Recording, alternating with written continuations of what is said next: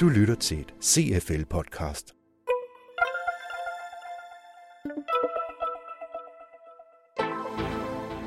CFL er stedet, hvor Danmarks mest fremsynede ledere udveksler erfaringer, debatterer og lærer.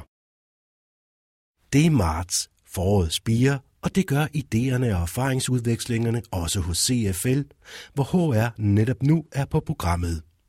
Spørgsmålet om HR's rolle i forhold til virksomhedens overordnede ledelsesstrategi bliver luftet og drøftet på klubhusmøder og i forum for værdiskabelse, og også snart i et spritnyt dilemma, som er på trapperne. Her får du en smagsprøve fra dilemmaet, hvor Marianne Elund Sige, Head of Leadership and Talent Management i Nordea, kommer med eksempel fra det virkelige liv.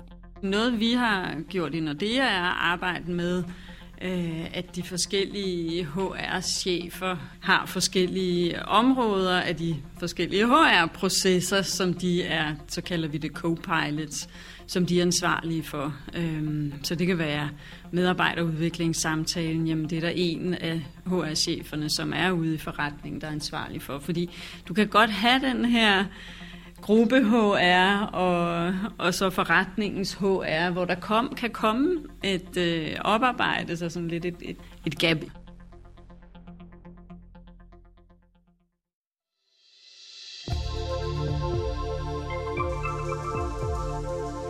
At der er mange ting at drøfte om HR's rolle i at løfte ledelseskvaliteten, bekræfter Paul Blåbjerg, administrerende direktør ved CFL. Vi ser, at der ofte er stor forskel på HR's opfattelse af sin rolle i virksomheden og den forventning, som de øvrige ledere har til HR. Hvis vi kigger på staben og HR samlet, så er økonomifunktionen den, der scorer højst, når øh, lederne vurderer stabens værdi for virksomhedens øh, evne til at skabe resultater. Vil både HR og stabe generelt bidrage mere til værdiskabelse, hvis den bløde del af ledelse bliver dokumenteret og målt på lige fod med andre øh, ledelsesområder? Hvordan kan HR bringe sig i en situation, så man i højere grad er med til at gøre virksomheden beredt på det, man måtte møde i fremtiden?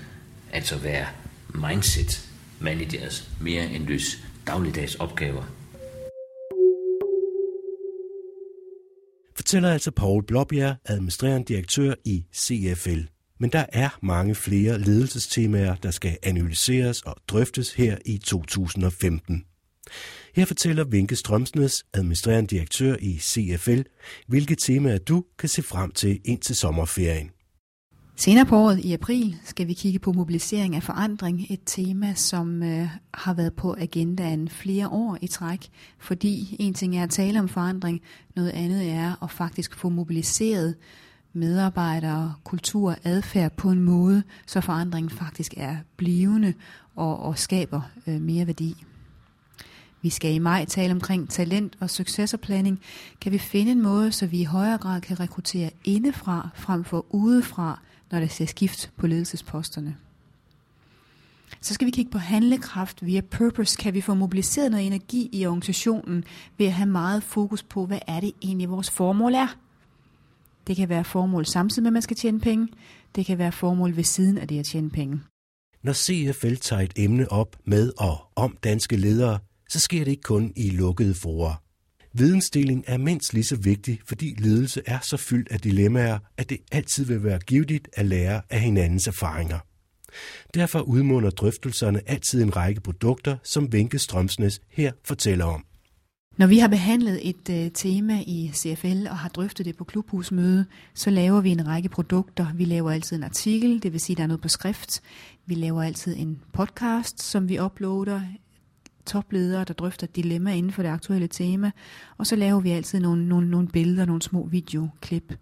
Og øh, vi er glade for at konstatere, at øh, vi har faktisk 40% af vores kunder, som bruger det aktivt i deres ledelser, som en måde at sætte ledelse på dagsordenen løbende på. Øh, og vi håber, at det tal bare bliver større og større.